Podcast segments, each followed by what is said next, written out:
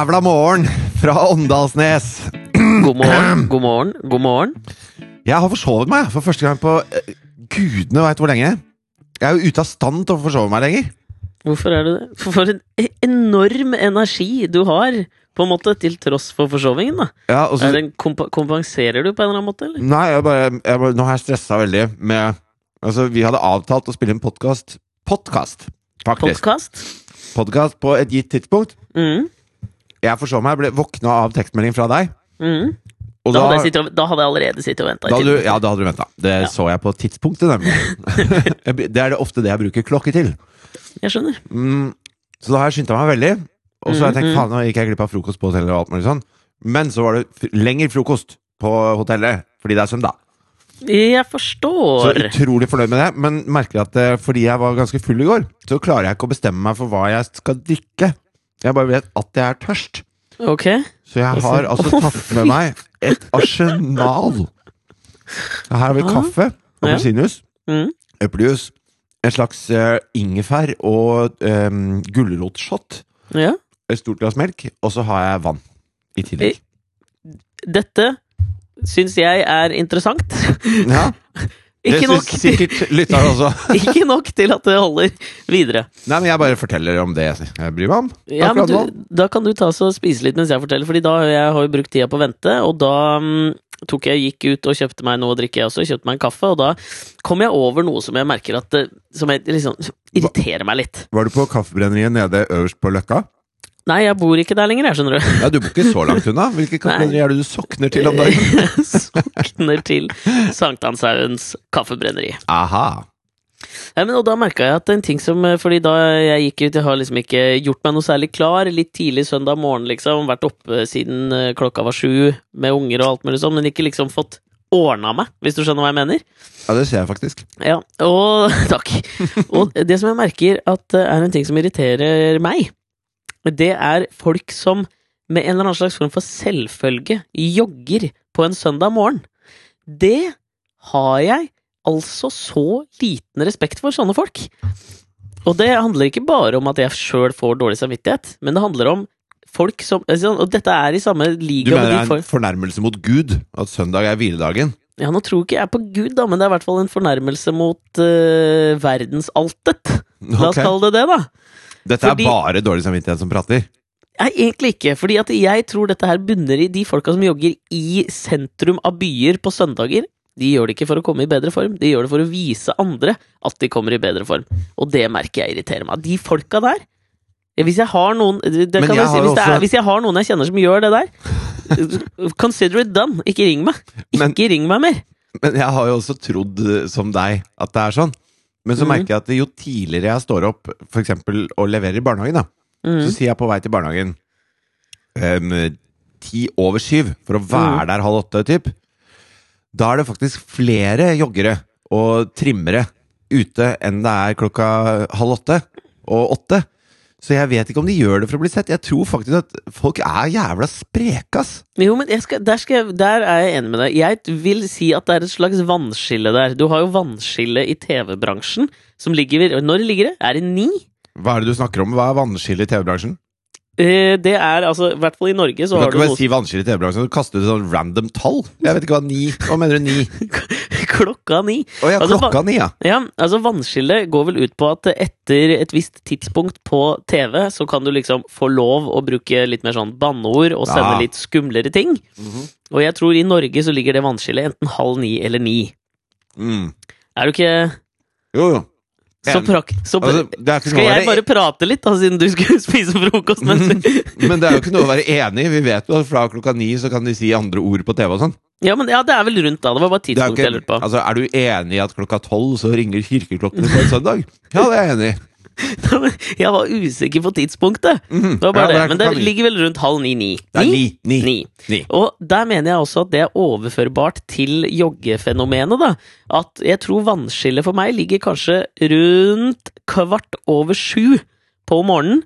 Hvis du jogger etter det, så gjør du det for å bli sett. Hvis du jogger før det, så har du en oppriktig frykt for din egen helse og tror at joggingen skal redde deg fra den tidlige kreftdød. Ja, men Hvis du gjør det før det Hvis du står opp liksom Jeg står opp halv seks jeg, for å ta meg en skikkelig joggetur før jeg, før jeg dusjer, leverer unga i barnehagen og drar på jobb. Da er du så, da er du så gæren, da. Og Ja, det er er jo ikke del egentlig det. er, Altså, vi har en på den produksjonen her som er Ja, flere, egentlig. Ok. En liksom etter middag i går så jogga han Trollstigen bare fordi han hadde lyst til å gjøre det. Få navnet, få navn. Nei, du kjenner ikke. Ok. Um, en annen ok, da Jeg tenkte du kunne få lov å henge ut denne personen, jeg. En annen har hatt med seg sykkel. Altså, vi kjører jo buss, ikke sant? Hatt med seg sykkel i bussen. Fordi han er veldig glad i å sykle. Ekstremt uh, god form nå. Uh, og han er blitt sånn at uh, når maten kommer, så må han skynde seg å spise og så komme seg bort fra bordet før desserten, for ellers så spiser han dessert, og det må han ikke. Hvorfor må han ikke det? Han har ikke lyst til det. Han har lyst til å trene mer. Skål. Ja, men Hvis han ikke har lyst til det, så må han jo ikke løpe fra bordet. Det er jo bare å ikke spise desserten. Ja, Han, han har gjort det hver dag nå. Og så sa han, Å, faen, det er sjokolademosse. Jeg må skynde meg å spise så jeg ikke ser den sjokolademosen. Ellers så spiser jeg sjokolademosen. Altså, han vet at det er sjokolademos. Han sjekker så- det, ja. Ja, men så lenge øynene hans ikke ser det, så er det innafor, Da liksom? går det fint. Nei, dette her er for Dette her Det er fjernt er fra din tilværelse, og min, for så vidt. Mer Ja. fjernt fra min òg. Ja, og jeg merker at det, det er et eller annet jeg sliter det, Jeg sliter noe med det. Og, jeg, og det er så enkelt overfor sånne folk som meg, som klager over dette her og bare sier ja, men du har bare dårlig samvittighet sjøl. Ja, jeg har det, men det har ikke noe med å gjøre Det har ikke noe med saken å gjøre. For dette her per def er en ting jeg mener vitner om en alvorlig karakterbrist.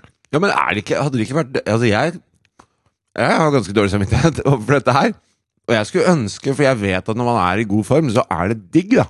Det er digg å det er digg å komme seg ut, og det er digg å bare åh, kjenne friske luften, det røsker i håret når jeg sykler oppover Trollstigen her. Altså, det er jo sikkert kjempedeilig. Jeg bare er ikke der. Jeg er for dårlig form. Jo, men, og dette her er irriterende, fordi det er liksom på et eller annet nivå så er det mer greit å liksom skryte av at du gjør det greiene der, eller fortelle om at du gjør det, enn å fortelle om at du for eksempel eh, Nei, i dag lå jeg i senga til klokka var to og leste tre bøker, jeg. Det er liksom ikke innafor. Det er ikke det, blir liksom eh, Da blir du sett på som lat. Ja, da er du jo er- lat, da. Det er jo hjernetrim! Jo, men hvis du, du trenger ikke ligge i senga til klokka to. Nei, men det var bare, et eksempel. Bare i den utprompa bokseren, liksom, og lese bok. Nei, det, Du kan, så, Nei, jeg gikk ned på operataket og leste bok. Da er det ingen som sier du er lat. Men hvis du sier i dag gadd jeg ikke Jeg gadd ikke å reise meg opp for å gå på do. Jeg bare hadde en bøtte ved siden av senga. Fordi jeg hadde lyst til å lese to bøker og ligge i senga hele dagen. Men Hvorfor, hvorfor, det er Poenget mitt er hvorfor skal liksom latskap kun være forbundet med bevegelse? Det er en ting jeg er usikker på om jeg kjøper. Skjønner du hva jeg mener? Okay. Det er der jeg tror Der klarte jeg å koke det ned til hva jeg tenker. Ja. Jeg tenker at bevegelse har liksom tatt monopol på antilatskap. Ja. Og det er jeg ikke Det godtar jeg ikke. Jeg kjøper ikke det. Nei, og jeg, jeg har beviset på hvorfor. Jeg skal, jeg skal understøtte din tese med et, et dundrende bevis. Ok? Stephen Hawking han, Ja! han er nødt til å se på hver bokstav på en datamaskin for å skrive et ord. Han bruker liksom et minutt på et ord. Han har skrevet uh, gudene veit hvor mange bøker. Ah, Den mannen er ikke lat, selv om han sitter helt musestille hele livet. Ja, ikke lat. Jeg mener det. Ja. Og, og det er der Og det, dette her tror jeg vi må liksom åpne for dette. Det er jo noen som må være Men- denne sakens side. fanebærer. Eller på den Og det side. mangler vi. På den annen side. Ja. Altså Stephen Hawking, Det eneste han kan bevege, er øynene. Og de beveger han jo hele jævla tida. Han er kanskje den som trimmer mest, han. Kanskje Stephen Hawking er øh, et dårlig eksempel, men ja, jeg. uansett. Jeg mener liksom bare øh, poenget, eller konseptet, som dreier seg om bevegelse og latskap. Det, på et eller annet tidspunkt så har dette liksom bare blitt en allment, øh, et allment godkjent faktum, at du må bevege kroppen for å ikke være lat. Og det er det jeg mener vi må komme til livs her nå. Fordi kroppen er jo bare en liten del av hele selvet ditt. Ja, Og da altså, mener jeg Kroppen er et tempel. Tempelet må jo ikke bevege seg. Det er jo det inni som må bevege seg. Jo, det det, jeg tenker det, jeg også. Og ja, det er et sunt, eh, en sunt kropp i et sunt legeme, eller bla, bla, bla. Jeg mener at vi har hatt for mye fokus på en sunn kropp. Ja. Jeg tror at vi har et å... Altså det er blitt et litt sånn overfokus på det. Det vil si at liksom du, du har et jævla flott skall, men inni der så er det helt forbanna tomt. Altså, Og da skal jeg faen meg nå være fanebæreren for, for motsatt. Et sunt legeme skaper på et eller annet måte en sunn kropp. Tror jeg. Jeg, jeg syns du skal legge ut et sånt bilde av deg selv, jeg. I senga med en bok, og så som et meme, hvor det står uh, Hvorfor hva, hva var memet ditt? Jeg har ikke laget noe meme! Nei, jo, men, jo, men det du sa i sted, var, bare- det var så catchy! Altså, at bevegelse har tatt uh, Altså at Hva var det jeg sa for noe? det du sa uh, Jeg er lei at man skal kalles lat bare fordi man ikke beveger seg. Og bildet av deg som ligger i senga og leser en bok. Det er jo fantastisk! Du har så dårlig samvittighet for den treninga.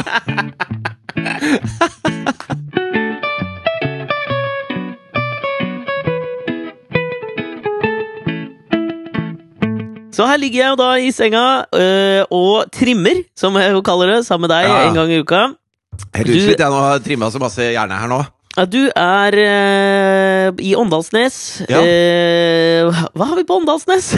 Nei, altså Mens du, når du nå er på denne turen, så tror jeg vi skal, skal ha det som en litt sånn fast greie. For jeg veit jo ikke hvor du er til enhver tid. Skal vi se hva vi har på de stedene du er. Ja, Jeg altså- har faktisk en ting på Åndalsnes jeg, som jeg kom på nå. Ok, Skal jeg komme med litt sånn eh, geografisk informasjon først, eller? Åndalsnes er jo alltid for meg et eller annet slags form for togdestinasjon. Jeg vet ikke hvorfor. at det er et eller annet sånn Åndalsnes, jeg vet ikke. Er det tog her? Jeg har ikke sett uh, toget, men det er i hvert fall i Møre og Romsdal. Er det Og det der? er, det er mye fjord og fjell. Og så Mm. ligger Devold gård og Trollstigen er vel de to claims to fames, for å si det sånn. Ok, ja. Så Devold, Devold er jo dette undertøyet. Eller ikke undertøy, men sånn ulltøy. Ja. Og de eh, Fun fact om Devold ja. Altså, bare ett år etter at eh, Alexander Graham Bell oppfant telefonen, mhm. så hadde Var det Devold egentlig ikke han som fant den opp, var det det? Nei, men han, eh, han fikk kreden for det. Han pakketerte det på riktig måte. Ja, Det er akkurat som at eh, merket Rollerblades har på en måte tatt Rollerblades-markedet. Inlines, er det det du mener? Ja, det er Inlines det egentlig heter, men Å, ja. heter Rollerblades. Jeg skjønner. Eh, glem det! Ja. Men bare ett år etter at Alexander Graham Bell oppfant telefonen, så hadde de lagt inn telefonlinje mellom Ålesund og Åndalsnes for å kunne selge mer ullundertøy. Mener du det? Ja. Så Devold var egentlig forgjengeren til uh, Ulvang, eh, men Ulvang er på en måte den uh, bransjens Alexander Graham Bell. Altså, Ulvang kom jo 200 år etter Devold. Jaså! For det kommer fra Vegard Ulvang. Jeg Prøver meg på et eh, kontemporært eksempel, så var det på mange måter som eh, Si at, Vegard, altså at Ulvang-undertøyet var Mohammed Ali i 1974, og Devold var George Foreman. Ja, eller, Skjønner du? eller si at uh, Devold Devold var Abraham Lincoln, og Ulvang er Donald Trump, på en måte. Ja, men Nå prøvde jo jeg meg på den kontemporære, flotte sammenligningen. Du har ikke fått med deg at Mohammed Ali døde i natt, eller? Jo, jo. Det har jeg fått med Ja, okay. Det var i, i går natt. Ja, i, eh, går natt, ja. Har du fått med deg Trumps tweet om dette? Nei, det har jeg ikke. Jeg får høre. Fordi han, eh, han sa eh, Obama hadde uttalt, som et ledd av forsvaret for muslimer, Ja. sånn at muslimer ikke skulle være Mush. Altså, her, dette, jeg, dette har jeg fått litt tilbakemeldinger på, faktisk. På deg. Og og uttrykket muslimer. Å ja. For du sier jo da muslimer. Jeg har fått litt klager på det, faktisk. Så jeg bare tenkte da, oh, ja, nå det- benytter jeg sjansen til å si at det heter muslimer. Jeg sier Jeg mus muslim, jeg, ja. Ja. Og Det har jeg ikke tenkt over. Nei? Heter det musling også? Ja, gjør ikke det? Muslinger? Ja, det vil jeg da tro. Jeg sier også muslinger. Da veit du det. Da, Uten at det er noe, har noe sammenheng der, Nei, selvfølgelig. nei, selvfølgelig ikke. Nei. Selv om det noen ganger brukes som et veldig negativt begrep av eh, rasister. Så var ikke det ikke det meningen det? nå. Jeg tror noen rasister bruker det. Men ikke det at jeg skal, hvis noen ikke vet om det, så tenker jeg da dropper jeg å prate litt om det. Ja, så bare det går har vi ikke jeg hørt noe om. bemerkelsesløst videre. Men, uh, Bemerkelsesløst? Hvor kom det ordet fra? Ja, Det var et bemerkelsesverdig ord å benytte. jeg vet ikke hvorfor. Ja. Få høre nå! Besynderlig at du valgte å benytte det bemerkelsesverdige ordet der. Flotte B-ord. Tusen takk. Okay. Nei, jo, det jeg skulle fram til, var at eh, det har jo vært et litt sånn derre eh, pågående muslimhat borte i USA. Mm. Og så har Obama sagt at eh, vi kan blant annet takke Altså, mange av, mange av våre største sportsstjerner, som vi hyller, er jo Mm. muslimer. Mm, Så vi skal være litt forsiktige med å si at alle muslimer er dumme. ja. Eh, jeg syns jo det er en litt sånn snever måte å beskytte eh, Eller det fins mange flere ting enn at de er flinke i sport man kan snakke om. Jo, men- for også, men det, det er en fin Men det er vir å virkningsfullt overfor de kjøtthuene som tenker at uh, vi skal ikke la noen muslimer reise inn til landet vårt. Så er jo det en veldig sånn virkningsfull måte å si ok, men da Ja, kan er... du kysse denne linebacken på Denver, Colorado, Wankbanks uh, farvel. Ja, de er forresten veldig bra nå, The Wankbanks, men uh, Det er gode, de. ja, men, eh, ja, for det er en fin måte å få det inn i hjemmet på, da. Med at eh, eh, veldig mange tar veldig personlig på dette med sport. Ja. Og hvis de finner ut at, de da, at liksom noen de da heier veldig intenst på, er muslimer, så kanskje ikke muslimer er så skumle lenger.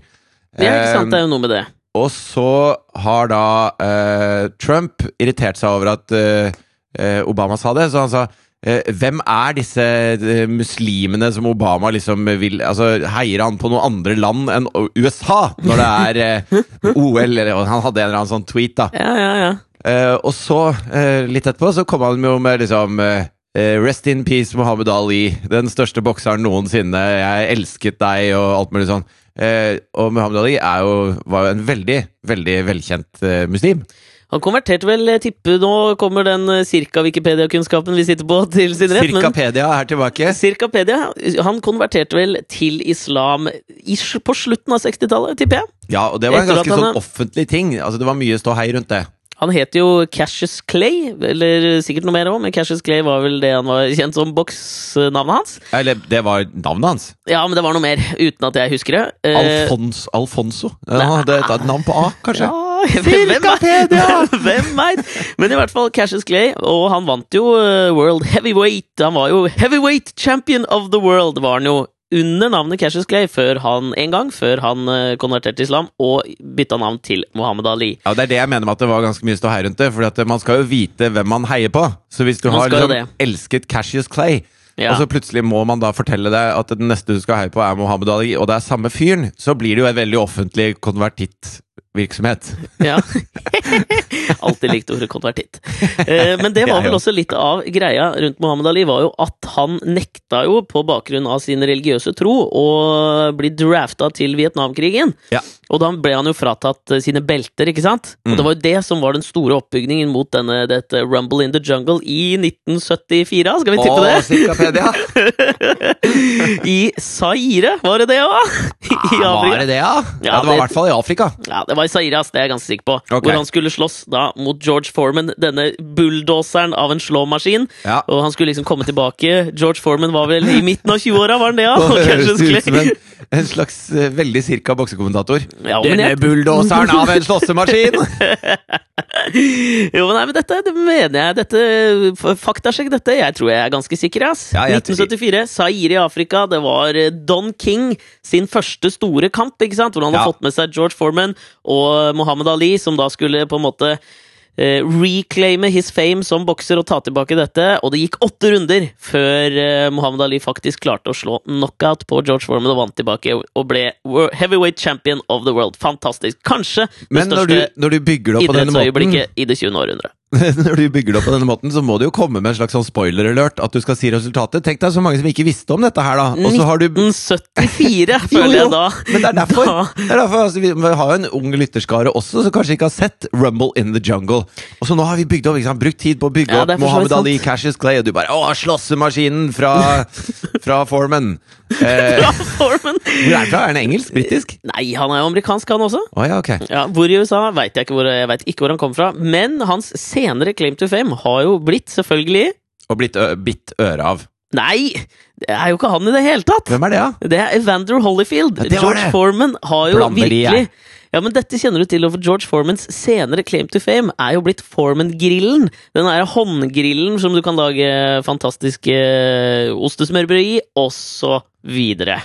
Å ja, litt som Kim Kolstad fra. Hotell Cæsar. Ja, At du får en annen claim to fame senere, på en måte? Nei, men eh, vi har jo snakket om at eh, Kim Kolstad har jo kommet med en ny grill. Ja, det er jo for faen en meg sant! flergangsgrill. Mhm, det er jo, men det er jo på en måte en eller annen slags form for eh, miljøvennlig sak. George Formans eh, elslukende grill er jo ikke på noen som helst måte eh, noe som kan redde verden, slik Kim Kolstad kan. Nei, nei, men jeg bare sier Du har først én karriere. Du er stor i den karrieren, Ja. så går du over til grill.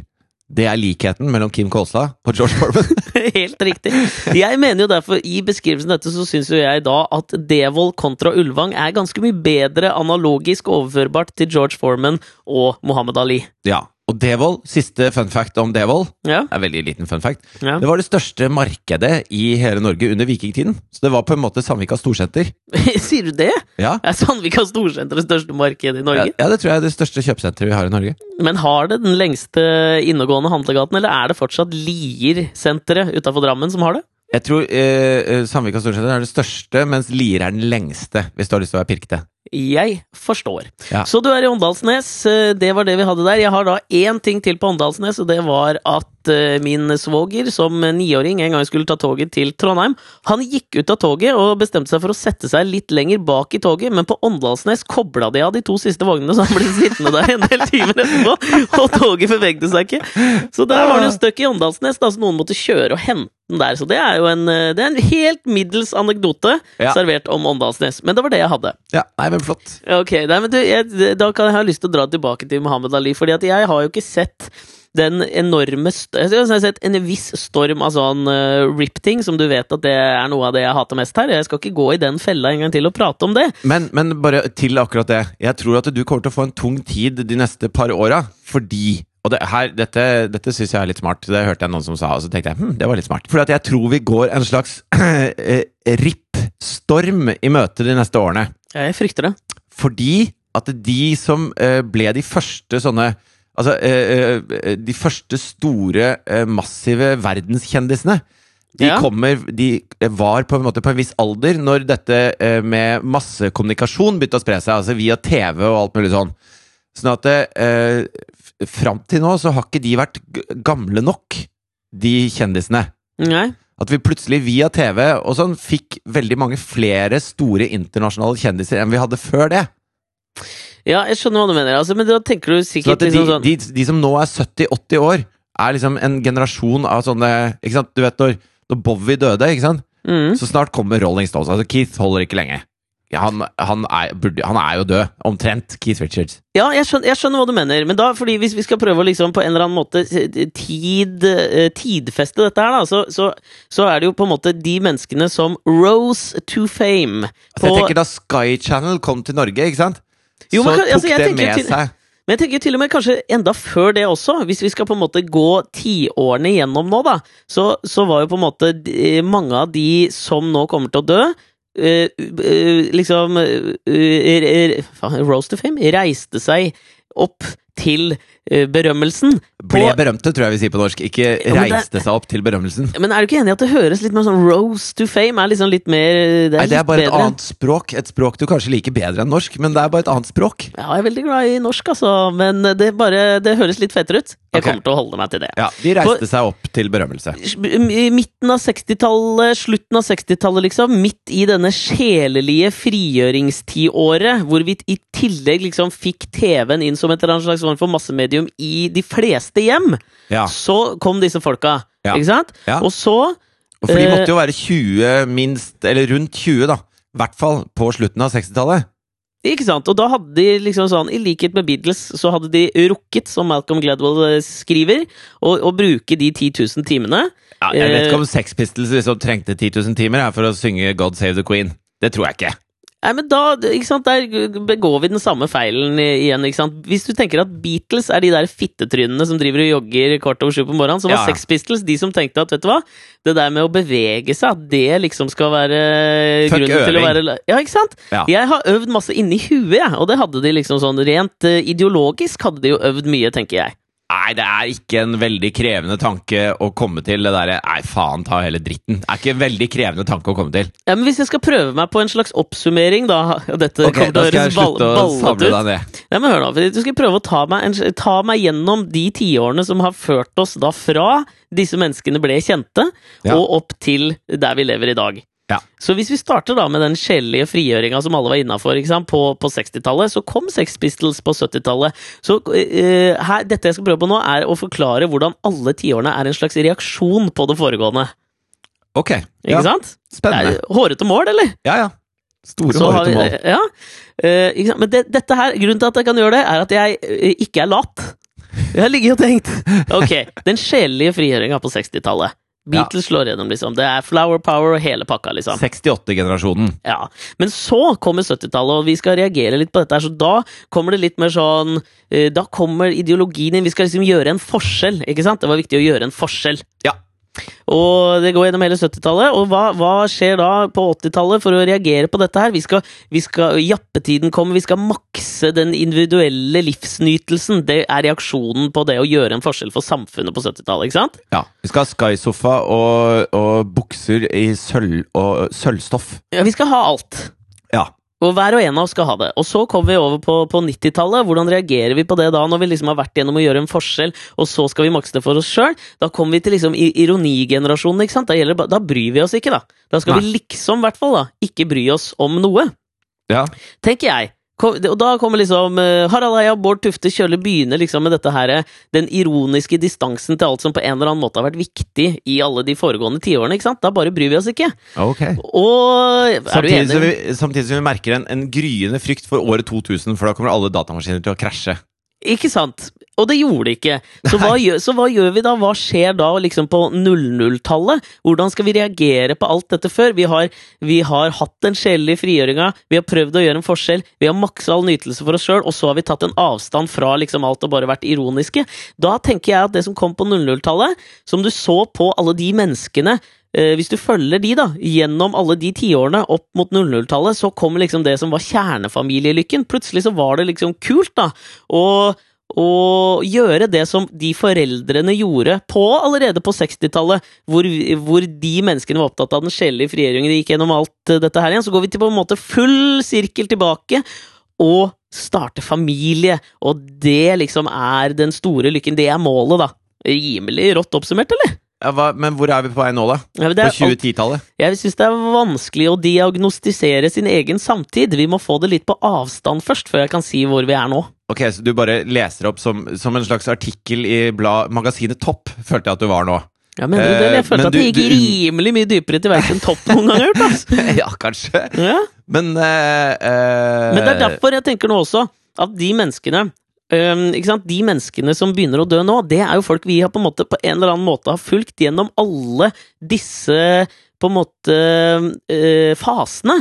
Og Jo. derfor har de blitt så menneskelige for oss. ikke sant? Det er Jo, men jeg tror du misforstår poenget mitt. Fordi det, det dreier seg jo ikke om de, Det dreier seg ikke egentlig om fasene, men det dreier seg om liksom eh, for, da, det at tabloidaviser plutselig ble noe man begynte å lese. Noe som gjorde at man fikk en mye sånn mer kjendisdyrkelse. Mm. Så kjendisdyrkelse var noe som kom i mye større grad. Altså før, før 60-tallet Mm. så var jo liksom politikere og vitenskapsmenn Og det var liksom ikke den samme kjendisifiseringen av samfunnet som vi har hatt siden da. Ja, men la oss si at det, kom, la oss si at man- det kom med Elvis, da. Ja, ja, det gjorde litt det. Mm. Elvis, og så kommer Beatles, og så kommer det masse masse band, og så kommer det filmstjerner som alle vet hvem er, og så kommer det Fordi det, Før det så hadde man ikke Du hadde et par filmstjerner, men det var ikke sånn at alle visste hvem som spilte biroller i Panserkrysseren Potemkin og gråt når de døde, liksom. Det er. Det, det, er liksom, det er noe som har skjedd siden det. Så gjennom film og musikk og populærkultur som hele eh, den vestlige verden på en måte omfavner, da, Mm. så fikk man et arsenal av kjendiser som nå begynner å nærme seg 70-80-åra og kommer til å daue de neste åra. Ja. Sannsynligvis, da, med mindre de lever til 100. Eh, Men noen av de er nok veldig trimma i hjernen og ikke i kroppen, så sannsynligvis dør de ganske snart. en Ja, del av dem. ja, men jeg er enig, men jeg tror litt av grunnen til Og at det hadde liksom, man ikke før. Nei, jeg er enig, men, og jeg tror grunnen til at vi liksom har knytta oss så sterkt til de folka her. Vi har jo ikke vært med på hele denne her, eh, og disse fire, fem, seks årtiene med utvikling, men det har jo disse folka, og vi har liksom gjennom å lese om dem og se om dem og liksom bli interessert i ting, så liksom jobber man seg, i likhet med våre lyttere som jobber seg bakover i vår diskografi av podkaster, så har vi liksom jobba oss bakover i den menneskelige diskografien til liksom Bowie, Prince, Mohammed Ali, hele gjengen. ikke sant? Så vi Ja. har knytta så tette bånd til dem. Fordi jeg tror altså rundt eh, på 90-tallet så ble liksom den kunnskapen om populærkultur som du og jeg sitter og prøver å hive noe ut av oss hver uke, den ble liksom, fikk en eller annen slags form for større verdi enn den hadde før. Jeg tror For fem år siden så kunne man få en, en stor avisartikkel hvis bassisten i The Who døde. Men jeg Ja. tror at eh, nå begynner, altså Bare i år og i fjor så har det jo dødd så mange enorme stjerner Ja, ja. eh, at jeg tror ikke liksom eh, Hvis bassisten i The Who dør om to år, da så tror jeg folk eh, ikke enser det engang. Jeg tror det blir som eh, etter sultkatastrofen i Afrika, at eh, folk blir immune mot sånne B-kjendisdøder. Ja, men du så det vel du, Jeg tror du har helt rett, jeg. Fordi du så det liksom da han eh, Glenn Frey i The Eagles døde tidligere i år. Ja. Som jo er Altså, det er et band Altså, jeg har aldri vært sinnssyk fan av The Eagles. Nei, men Hotel California er jo en av de mest spilte låtene på radio sikkert gjennom tidene, tipper jeg. Ja, og de ble vel på, ja, de ble vel på et eller annet tidspunkt med den derre samleskiva si. Eh, Det er vel den eh, skiva som har solgt mest i USA på et eller annet tidspunkt. Så var, altså, de er jo gedigne i USA. Og den er fremdeles på nesten alle bensinstasjoner i Norge, liksom. Ikke sant? Ja. Men, men The Eagles har vel aldri vært som, som band noe sånn kjempe sånn store i Norge, da. Altså så store som eksempel Beatles, Rolling Stones, Nei, nei, nei. Mohammed Ali, for den saks skyld. Ja. Men det ble liksom det Spilte var, han i band? Han gjorde ikke det. Nei, men altså, det, var, det ble på en måte notisverdig. Ja. Det tror jeg ikke det hadde blitt hvis vi ikke hadde sett liksom alle de andre kjendisdødene. Nei. Men det som har Det som har fascinert meg litt nå, er jo at når vi liksom sånn Det, det, har jo gått litt inflasjon i kjendisdøder, i hvert fall i år, tenker jeg. Og så dør liksom Mohammed Altså, jeg vet ikke om du kan bruke det ordet at det går inflasjon i kjendisdød. Det, det er jo De dør jo. Så det, det er jo liksom ikke noe man overforbruker, på en måte. De kan jo ikke noe for det. Det er ikke et virkemiddel de bruker, liksom, å dø. Ja, jeg tenker mer sånn i behandlingen av det, da. I hva som skjer etterpå. Ja. Så mener jeg at du kan merke en inflasjon, fordi at det, uh, man, man tar seg ikke tid til en eller annen slags form for sober behandling av den personen. Og så nå leste jeg liksom sånn, noen sånne sportskommentatorer i Dagbladet som har skrevet om Mohammed Ali, ikke sant? og jeg tenker sånn Definitivt. Mohammed Ali var Ja, ja. absolutt eh, en av de største idrettsutøverne på denne sida av, av 50-tallet. Ja, ja det, det var han. Ja. Men samtidig så tror jeg han var et jævla rasshøl. Jo, men han var ikke Mike Tyson-rasshøl. Ja, jeg føler at Mike Tyson var et mer sånn eksplisitt rasshøl. Altså, Mohammed Ali, hvor faen mange ganger var han gifta? Fire ganger. Jo, Mohammed Og hadde barn hadde- her og der, og begynte forhold mens han var her og der. Jeg tror han var et, et blødende narsissistisk rasshøl. Men han hadde en hjerne, i motsetning til Mike Tyson. Mike Tyson er en sånn derre tiger i bur som bare biter alt som kommer i nærheten. Altså, du- Mike Tyson var eh, han, Var det han var gæren, liksom. Var det en bevisst sammenligning, ettersom Mike Tyson jo da beviselig har kjøpt seg en tiger og har i bur? Og bet øra Evander Holyfield. Ja, Ja. sånn ruller jeg. Jo, men er du ikke enig i at jeg tror liksom vi får sobrere på en måte nekrologer hvis det ikke er mange som dør samtidig av kjente mennesker, enn hvis du har liksom dårlig tid, for du veit at snart tar nestemann reperen, liksom. Så da sier du bare da Når du skal sette deg ned og skrive, da sier du bare 'Han var nydelig, han var dritbra, jeg digga han, jeg møtte han en gang der og der og der'. Og så driter du i hele den derre på en måte framstilling av han som en hel person, så det blir liksom bare som sånne arketyper de blir framstilt. Og det er jo kanskje litt trist, da, mener jeg. Så du mener at vi har gått altså fra, fra eh, tiåret med seksuell frigjøring via eh, tiåret Sjelelig, for faen! Ja. Men Og inni, inni det er- ligger Ja. jo seksuelle. Og så gikk vi da inn i tiåret med sosialt ansvar og engasjement, og gikk videre i tiåret med, med kapitalistisk overforbruk, og Mm. videre inn i tiåret fullt av ironi Mm. og sarkasme, videre inn i tiåret med familiekjerneverdier, Mm. Eh, og inn i tiåret med nøkterne nekrologer. Er det det du prøver å si? Nei, altså Er unøkterne Nostrad...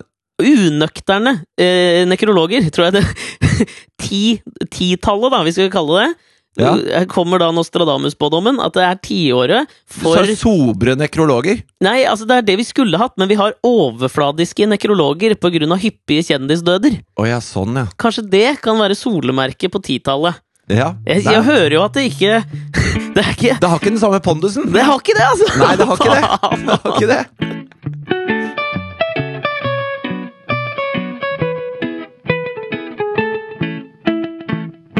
Men apropos dette her. Ja, Fordi at uh, på den produksjonen jeg er på nå, uh, så Hva er det jo, hvilken, hvilken er det jo Alt for Norge heter det. Ah, Norge. Det handler om noen norsk-amerikanere og sånn Ja, som kommer ja. til Norge og leter etter røttene sine. Mm. Og uh, et ledd av det å skape god reality, konkurransedrevet reality, Mm. er å frata deltakerne for omverdenen. Fordi at da blir det til slutt bare én ting de bryr seg om, nemlig å lage kose-TV. Ja, ja, ok. Ja. Sånn at det, det, det første man gjør, er å frata dem internett og telefoner. Mhm. Eh, Så alle, alle deltakerne sitter på kveldene og skriver postkort og brev som de ikke får lov å sende før de da er ute av konkurransen. De er helt avskåret fra omverdenen, bortsett fra kontakt med oss i produksjonen. Ja. Og eh, så, så ser jeg eh, litt på hva Sånn at de, de følger ikke med nå på noen ting. De følger ikke med på valget i hjemlandet sitt, de følger ikke med på hva som skjer, hvem som De vet, de vet sikkert ikke at Mohammed Ali er død, eksempel. Det, det vet de ikke. Okay. Det kommer de ikke til å vite før jeg eventuelt forteller dem det. eh, På et eller annet gitt tidspunkt, da. Ta og Gjør det rett før du skal inn. Kanskje noen av dem har et veldig nært forhold til Mohammed Ali, og du vil ha tårer på et eller annet tidspunkt, så sier du Rett før Og sånn da er vi rett før opptak. Tre, Ja. to Mohammed Ali døde i går! Ja! Welcome. Hva syns du om konkurransen i Ja, går? Men eh, så ser jeg litt på hva de gjør. Altså, hva, hva bruker de tida til når vi ikke er i opptak? ja. Og, og blant annet så på flyplasser så plutselig eh, Vi sitter og venter på ved gate, da. Og så var det et sånt Lego-bord for barn. Ja. Så plutselig sitter to av deltakerne og bygger Lego, da. Og så, og så går jeg bort så bare Ja, det er gøy å være barnslig, liksom, og bygge Lego. Kanskje jeg skal bli med? Eh, nei, jeg gjør ikke det. Jeg går og hører på podkast og spiller backgammon på telefonen min isteden. og så sier de at Jo, vi har, vi har jo ikke telefon. Og, og se, se rundt her, liksom. Alle sitter og leker med telefonen sin. Mm. Men vi kan ikke gjøre det, så vi må gjøre andre ting. Ja. Så de leser bøker og, og bygger Lego og tenker og går tur og alt mulig sånn.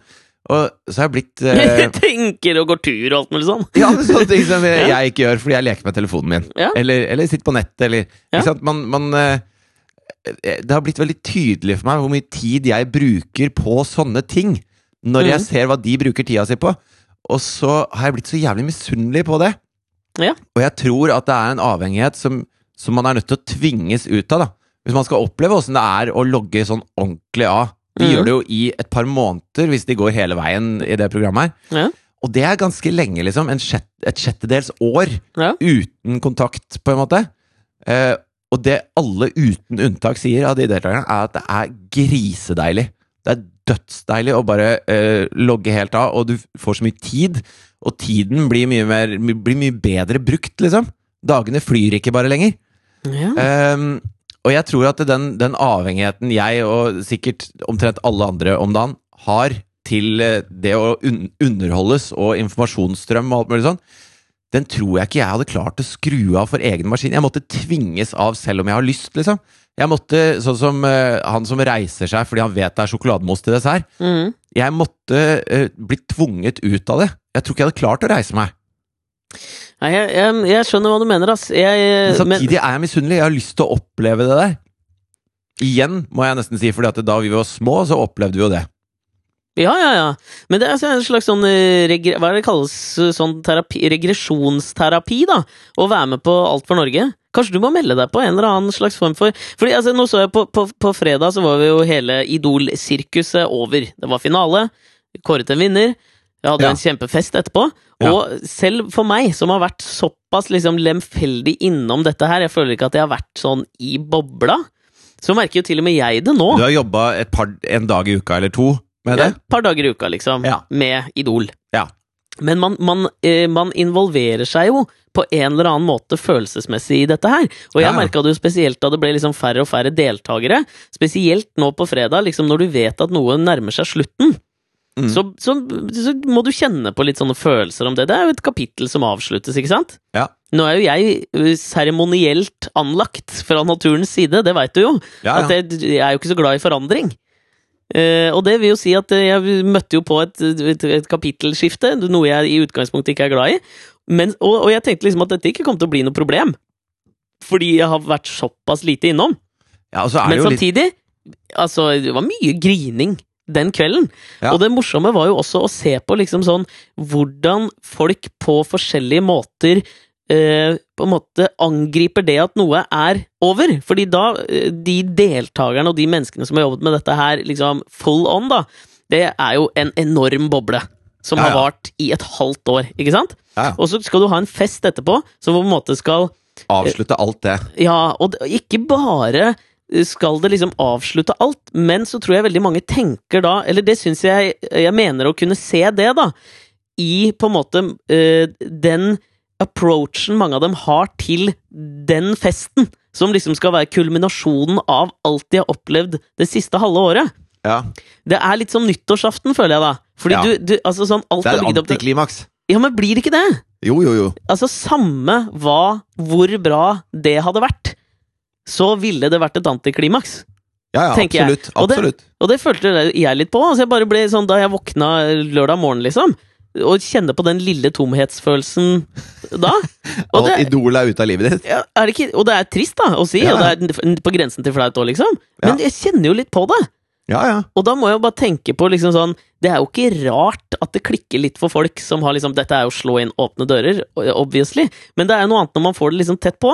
Jeg merker Det det er jo ikke noe rart at folk får problemer med seg sjøl når Nei, de har vært inni de greiene. Ikke, og Idol er jo et slags sånn derre uh, Der er man jo en uh, Jeg tror folk skjønner at hvis du, hvis du eksempel går opp på en scene og gir uh, alt du har, med, og bruker din egen stemme, så er det et sårbart og Det er en personlig ting Ja, ja. å stå på den scenen, og så bli slakta, og ingen stemmer på deg, og du blir sendt ut, liksom. Så jeg, jeg tror folk skjønner at da kan det være tårer når du får deg en trøkk der.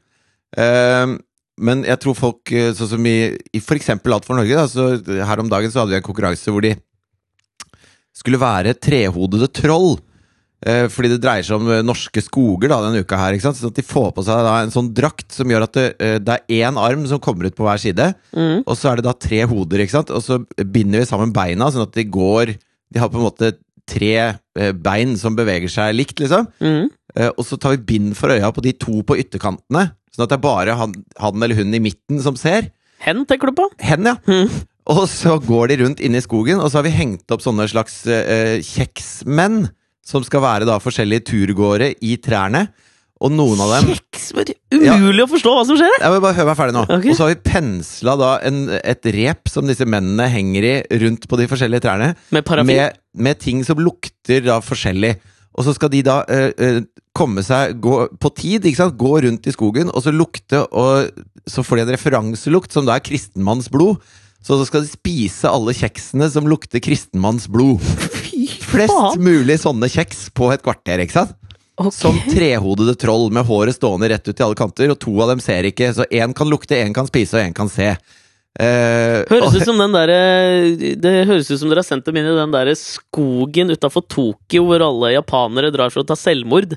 Fordi det ikke er dekning på mobilen der, så de kjører jo inn med sånne gaffeltrucker og plukker opp øh, døde kropper. Ja, en gang det- i året. du, du kan kanskje tenke at dette er en litt sånn morbid konkurranse, hvor de går rundt som troll og skal spise kristne, mens hedninger skal de la være. Jeg tenker det. Ja, sånn, sånn ruller vi da. Men, eh, ja. men eh, Så det er liksom en helt sånn surrealistisk konkurranse, men kjempegøy når du ser på. Og så, når den konkurransen er ferdig, så stiller man opp de to lagene, og så sier jeg hvem som vinner. Og da, det laget som vinner eh, Altså, han ene går i knestående og kysser bakken mens tårene triller. Og det, det er så viktig, da. ja, men Og det er, det er vanskelig for folk å se- sette seg inn i hvis de ikke har vært med på den reisen det er å komme så dypt inn i en boble som disse fa folka faktisk nå er. Ja, det syns jeg er- er fascinerende. Er ikke dette fullstendig overførbart til titallet med temaet uh, usobre nekrologer? For alt handler om liksom referansepunktene du har til å Ja. forholde deg til ting, ikke sant? Så det når, når det å spise kjeks som er uh, dynka i kristenmannsblod når, liksom, når det blir noe å gå i knestående for, så er det på en måte overførbart til det samme fuckings uh, Morten Pedersen, sportskommentator i Dagbladet, opplever når han skriver en usober nekrolog om uh, Mohammed Ali, fordi Prince nettopp døde, David Bowie nettopp døde, og alle hans barndoms helter er i ferd med å forsvinne. Da blir det lett å på en måte bare opphøye det som det flotte, ikke sant? Ja. Akkurat det samme som skjer med den amerikaneren som går i knestående fordi at det største han opplever akkurat nå, i sitt uh, referanseliv, da, Er å vinne, kon- trehodede troll kristenmannsblodkonkurransen. Ikke sant? Ingenting kan være viktigere i livet akkurat da. Jeg syns jo det er jævlig rart at selv liksom jeg kjenner på det og opplever det, som bare har vært Altså, jeg har bare vært inne og toucha, liksom. Jeg har bare vært innom og toucha uh, dette her. jeg opplever det, jeg òg. I hvert fall når jeg står og gir den beskjeden til det laget, da. At de har vunnet og det andre har tapt, så ser jeg liksom Jeg ser uh, hva det gjør med dem, da. Den, den beskjeden. Og da kjenner man jo på det. Selvfølgelig gjør man det. Ja, fordi at min løsning har alltid vært uh, for å bare egentlig gjengi det Louis C.K. sa på Conan, når han prater om hvorfor han ikke vil gi barna sine mobiltelefon. jeg kan jo Og dette, jeg veit ikke om så mange kan kjenne seg igjen i det, men jeg kjente meg i hvert fall jævlig igjen av det. Grunnen til at jeg plukker opp telefonen i fire av ti tilfeller, er for å glemme at jeg skal dø en gang, liksom. Bare for Jeg håper ikke så mange har et så negativt syn på livet som du. ja, Livet har jo et ny, herlig syn på, det er jo det motsatte. jeg Ikke, Nei, men det er, det er jo et negativt syn Altså, det er jo Livet er halvferdig type syn på livet. Det, Ja. altså, ditt syn på døden formes jo av ditt syn på livet. Det må du være enig i. Ja, men altså, da, da mener jo jeg at mitt syn på livet er at jeg elsker det så høyt at jeg har jo ikke lyst til å tenke på at det tar slutt. Og Du har ikke det, lyst til å bli fratatt dager i senga med bok. det er nettopp det, da! Nei. Og det er derfor jeg da til stadighet plukker opp Og telefonen. da er det livet og ikke døden du tenker på. Ja, egentlig. Det er jo, det er jo ikke dødsangst. Det Nei. er jo livsangst. Det er livsmangelangst. Ja, det er jo egentlig det. Livsmangelangst er det. ja. Kanskje det kan også være faktisk tema for uh, titallet, altså. Livsmangel Altså de eh, tilgjengelige elektroniske virkemidlers eh, påvirkning på livsmangelangsten. Så du mener at vi er i må ikke gå glipp av noe-generasjonen? Jo, og i det så går vi glipp av noe. Fordi at det jeg merker når jeg plukker, jeg plukker jo den opp hver gang jeg kjenner at, de, at det begynner å røyne på med litt skumle tanker, så er jeg oppe og så Oi, se her, du, det har kommet et uh, Tone Damli har lagt ut et bilde av Billy. Jo, ha, ha, hat, hat, hat, hat. Skjønner du hva jeg Men da må det bli jævlig kjipt for deg å gå inn i denne rippstormen som kommer til å komme. Så hver gang du får litt sånn dødsang, livsmangelangst, Ja, så plukker du opp telefonen og så leser du om noen som er daua. ja, det er jo helt forferdelig. Så jeg, kan jo, jeg må jo si meg litt enig i det at det hadde vært jævlig deilig å prøve seg på en eller annen slags form for cold turkey da, av Ja. dette her. Og jeg tror jeg faktisk har fått det lille sparket i ræva, fordi på denne Idol-avslutningsfesten så ble jeg plukket opp på et tidspunkt. Hva er greia med at jeg alltid blir plukka opp når folk er ute og danser? Så har folk tendens eneste å plukke meg opp og snurre meg rundt. Oh ja, som, som vi Innbyr- plukke deg fysisk opp? Liksom løfte deg opp? Ja. Å ja, oh ja. Fordi det å plukke opp noen er jo Ja, du Eh, tenker ikke pick-up, pick-up, liksom? liksom? Nei, Ja. nei, det blir er, jeg du, ikke. er du en filf? Ja, det er jeg, men jeg blir ikke plukka opp. Sånn. Men jeg blir det var gøy. Nå syns jeg selv var morsom. Filf! Det er ordet jeg aldri har sagt før. Faen, det var gøy. Å, jeg er tilbake neste uke her på Latter. På Hovedscenen. hovedscenen. da. Filf? Hvorfor er det ingen som snakker om filf? Det er bare milf som gjelder. Sitter det? Sitter det? Klein, jeg. Ah, ja. Men jeg tror jeg har et ytre som innbyr til å bli plukka opp, da. Jeg vet ikke, Du har jo sikkert gjort det, du òg. Har du plukka opp meg noen gang? Jeg tror ikke jeg plukka deg opp, ass. Nei, men jeg, vet- du har lagt merke til at i festlige anledninger så har folk en tendens til å plukke meg opp, legge Ja, men- meg over skulderen og snurre meg rundt. Ja, det er litt sånn eh, Når festinga blir utagerende, så ser man seg om etter en hyggelig liten fyr man kan plukke opp og Ikke sant? kaste litt rundt omkring. Og det er faen alltid meg, ass! Har det vært ditt lodd i livet? Ja, jeg liker det ikke. Det er jo nedverdigende. Ja, det kan jeg forstå. Det, Men Men den som gjorde det nå på fredag jeg, det var jo derfor- selvfølgelig Marcus Bailey. Nei, det var jo ikke det. det. Han kunne jeg det, det kan jeg liksom Da kunne jeg sagt fra, Ja, hadde, hadde du ligget på skuldrene hans og blitt snurra rundt mens du roper sånn nigga! Hadde du gjort det? ja, det kunne jeg gjort. Ja. Men jeg tenker sånn, i liksom nedverdigelsen der, så kunne jeg liksom prikke han på skulderen og sagt Du, dude, sett meg ned. Ja. Dette gidder jeg ikke. Det hadde vært innafor. Jeg er ikke din tøydokke Anna. Jeg er ikke din tøydokke, for faen! um, jeg er ikke din tøydokke, nigga. Kunne det funka? Jo, det kunne funka. Ja, jeg veit ikke. Jo. Men den som plukka meg opp, var jo han vinneren, Marius. Og da tenker oh, ja. jeg jo at dette er din kveld, compadre. Nei, nå kom du med spoiler. Jeg har ikke sett det, vet du. Det var han som vant. Ok, greit. Spoiler! Spoiler. Men, og da tenkte jo jeg at vet du hva, denne skal du få. Ikke sant? Du kan jo ikke så sånn, Det er jo beviselig hans kveld, liksom. Da skal du ikke kommentere på det. Så Nei. jeg lot meg snurre. Av denne 19 år, spinkle 19-åringen fra Stavanger, liksom. Kan du tenke deg hvor nedverdigende det var? Ja, Ikke sant? Da, da har du den auraen. Når til og med han ser at eh, hvem, hvem skal jeg plukke opp her? Jeg mener det! Det er ingen Og som det- plukker opp Vinni. Det er ingen som gjør det! Nei, Og jeg mener ingen. ingen er- plukker opp Gunnar Greve og spinner han litt rundt på dansegulvet. Aldri! Aldri! Og det er da jeg bare er usikker på om det utelukkende er min øh, Altså min fysiske framtoning som gjør det, eller om det er noe i meg også som innbyr til det. Jeg tror jeg er lite skremmende å plukke opp. Det tror jeg Ja, ja. absolutt jeg kan være. Ja, og lat. Det Kanskje du det er lett å få tak i. Kanskje det er jeg står ofte stille, liksom, så de slipper å jage. ok, men da er det jo forklart. At de løper rundt og prøver å plukke opp noe, så midt på dansegulvet så står det en fyr og tenker. Du tar jo han. Ja, ja, du tar han. Ja, ok, men Da er det forklart. Det kan jeg, da kjøper jeg det. Da er det jo på en måte en slags hyllest av intellektet, da, tenker jeg, å bli plukket Ja, opp. ja. Jeg tolker det sånn. Men det som skjedde da han snurra meg rundt der, var at mobilen min føyk ut av lomma og landet på betonggulvet. Såpass snurring, ja. ja, det var såpass med snurring. Og etter det så har eh, wifi-tilkoblingsmulighetene på den telefonen gått dukken. Men da har du jo på en måte Det er jo en skade som skjer i jobbsammenheng. Da må du snakke med Idol-sirkuset om dette. Jo, men la meg nå si da at jeg driter i det. Og det jeg bruker dette til, er Fordi det kan jo bli dyrt med mitt eh, mobilabonnement å drive og 4G og 3G meg rundt hele tida. Nei, vet du hva. Det er faktisk eh, Det er, det er feil. Jo, det, er ikke, det, er ikke, det er ikke dyrt lenger å uh, roame i Norge. Nei, men la meg nå tenke det, da, for å gi meg sjøl det sparket bak som det kreves å gå litt off the grid. Hvis Ja. du skjønner hva jeg mener. At dette, kan, at dette er et slags tegn, da. På at nå bør du liksom ta og, og omfavne denne livsmangelangsten, istedenfor å gå inn og hate bilder av barna til diverse norske kjendiser.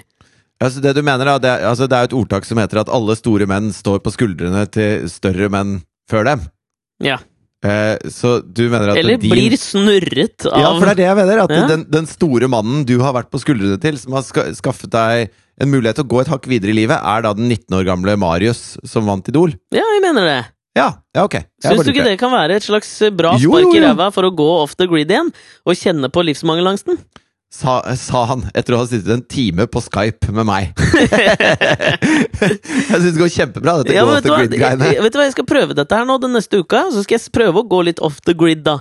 Så kan jeg Ja. rapportere tilbake til deg eh, neste mandag, og så kan du høre hvordan det har gått. Men kan ikke du sende meg adressen din da, på Snapchat, sånn at jeg kan sende deg brev i løpet av uka hvis jeg trenger å få tak i deg? Jeg skal gjøre det. Ja. Takk for meg.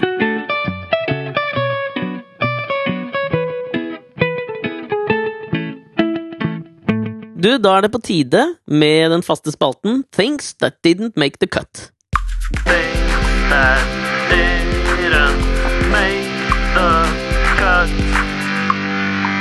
Hvor blir det av den nye vignettmusikken du skryter av? Jeg har ikke skrytt av noe, jeg. Jo, det skal jeg lage, sier du! Ja, men det Altså, vi kunstnere Vi kan ikke Altså, vi må vente på den eh, inspirasjonen. The beam of light okay. som kommer inn, og det har jeg ikke fått ennå. Ikke de siste tre månedene, nei. Nei, det er okay. riktig. Um, er det jeg som begynner? Ja. Ok. Sånn retorisk spørsmål. ja. Vær så god. Eh, jeg var på Kaffebrenneriet, ja. Okay. og så har jeg da dette arret etter operasjonen i armen. Ja. Og så uh, står jeg da og taster inn koden Mm. på uh, kortet mitt for å betale for en uh, kopp kaffe. Hva er koden din? Den er Ja, jeg hemmelig. ja, ok. Tenkte- ja, måtte jo prøve meg, si. Ja, det er 1, 2, 3, 4, 5. Okay. Ok. Det kan det jo umulig være, for det er fire siffer. Det er artig. Men Og så sier hun Oi, det var litt av et arr. hva er det vi prater Hvem er hun? Hun som jobber der! Ok. Ja, Sier, det var så veldig sånn, så sier hun. Ja, nei, ok, jeg glemte en setning der. Ja. Og så sier hun som jobber der Ja. Oi, det var litt av et arr. Mm. Eh, eh, og så sa jeg ja, jeg håper jo det går litt mer bort enn det, for det, det er ganske ferskt og sånn, men eh, det kommer sikkert til å bli nesten borti dette her. Ok. Og så sier hun ja, men eh, chicks dig scars, vet du. Oi, gjør de det? Ja. Og så ble jeg litt sånn øh, Fordi at Jeg tenkte litt på deg, da, for du har jo fått deg noen nye tattiser i det siste. Ja. Så jeg følte liksom at dette ble min sånn øh, tattis-ting, da. Hvis du skjønner. ja, ja, Den litt sånn tøffhetstingen jeg har på armen. Ja. Som er synlig for folk. ja. Merker du at du har lyst til å gå i T-skjorter og eller brette opp ermene på alt av Ja. langermede ting du går med? Ja, jeg pleier jo veldig ofte å gjøre det, Uh, ut, selv uten arr. Sånn Ja. at nå, nå syns jo dette arret litt. Og så, og så, men så tenkte jeg også at det er jævlig synd, da, for meg som, eh, som har hatt et, eh, et strabasiøst uh, uh, Altså, jeg følte det var ikke en sånn overflod av jenter i livet mitt når jeg veldig gjerne skulle ønske at det var det. Hvis du skjønner. Ja.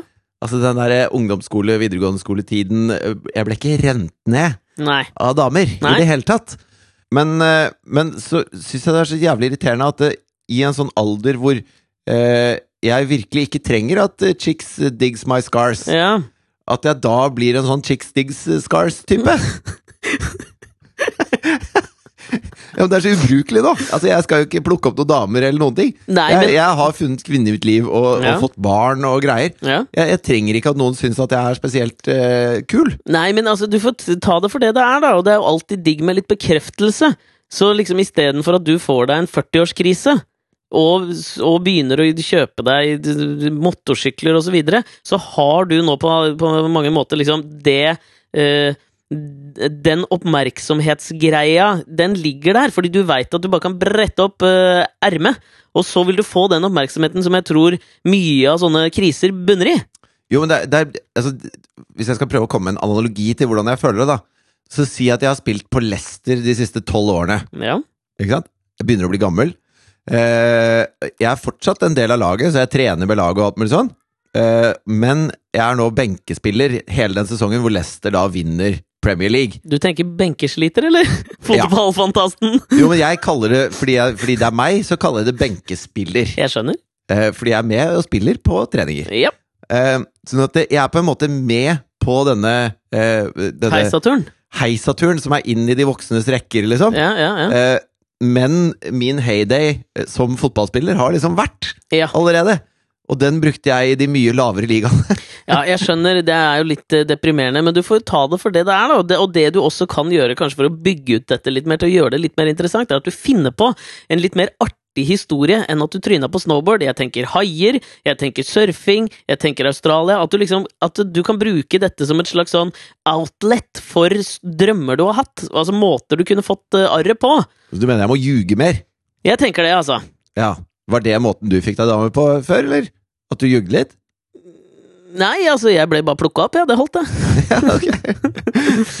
Du, den ene lille tingen som jeg tenkte vi skulle ta på Things That Didn't Make The Cut, det var at vi har fått eh, tips fra lytterne våre som har vært og sjekket ut en annen podkast eh, som vi er i beef med.